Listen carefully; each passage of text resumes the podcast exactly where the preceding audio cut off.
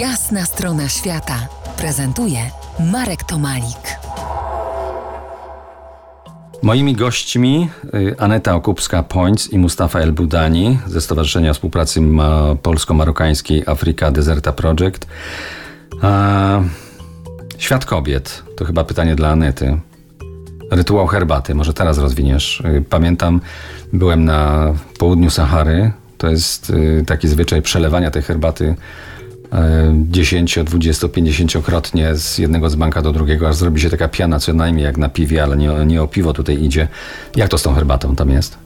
Ja uwielbiam, jak herbatę przyrządza Mustafa w Polsce, ale jeżeli jesteśmy w, w Maroku, to nie mogę się doczekać tej herbaty, którą przyrządza właśnie mama. Mama w tym czasie to jest po prostu taką głową rodziny, która wszyscy jeszcze śpią, ale mama już y, rozpala ognisko na takim specjalnym glinianym y, naczynku, naczy, bo tam nie ma mowy, żeby w ogóle herbatę zrobić z czajnika bezprzewodowego. Nie, nie ma takiego czegoś. Nie. To musi być na ogniu herbata przyrządzana dobrych parę minut, przelewana właśnie, tak jak y, to mówisz, słodzona, jest to zielona herbata, bo na Saharze no, nie rośnie mięta, więc to jest zielona herbata, przyprawiana różnymi też przyprawami, czyli może być absynt, piołun dodany, tak zwana szeba na zimowe takie pory, rozgrzewająca herbatka. Dobrze mówię, szeba?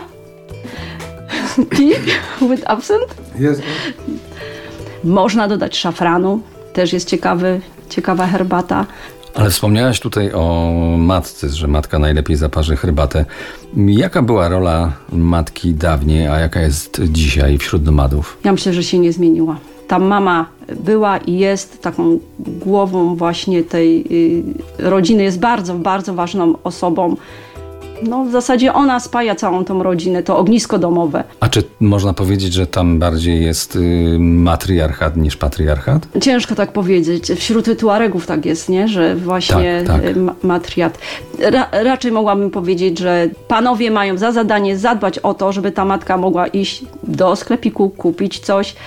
Oni mają przynieść te pieniążki do domu, mama ma zadbać i dziewczyny mają zadbać o y, owce, o kozy, o jedzenie, żeby było, żeby była ta herbata ciepła, żeby ciuchy były y, wyprane. To jest rola kobiety, tak u nas kiedyś. Przecież myśmy też w domach siedziały i się opiekowały dzieckami. No i jeszcze, no i jeszcze dzieci. chyba e, obrzędy, które tam ciągle Mhm. chyba, tak, tak, tak nam się wydaje, że ciągle jeszcze są obecne. Jakich obrzędów ty tam doświadczyłaś? Jaki, do jakich obrzędów jest w ogóle dopuszczona kobieta? Czy to ona rządzi tymi obrzędami? Jak to jest? Znaczy mnie się bardzo podobały wesela. Mariaż. We are talking about mariaż. Mustafa jest świetnym muzykiem, jest zawsze zapraszanym na wesela, więc y, też miałam możliwość y, być na tych y, wesele, weselach i zobaczyć, jak wyglądają właśnie te rytuały. No, kobieta jest wyjątkowa w tym czasie, także na stół wchodzi henna, która ma bardzo duże znaczenie. Y, Malowane są stopy kobiety, już przyszłej mężatki, y, różnego rodzaju olejki, malują się też, także bardzo lubią ładnie wyglądać. Za kilkanaście minut spróbujemy to wszystko zrozumieć jeszcze raz, ale tym razem muzycznie. Zostańcie z nami. To jest Jasna strona świata w RMS Classic.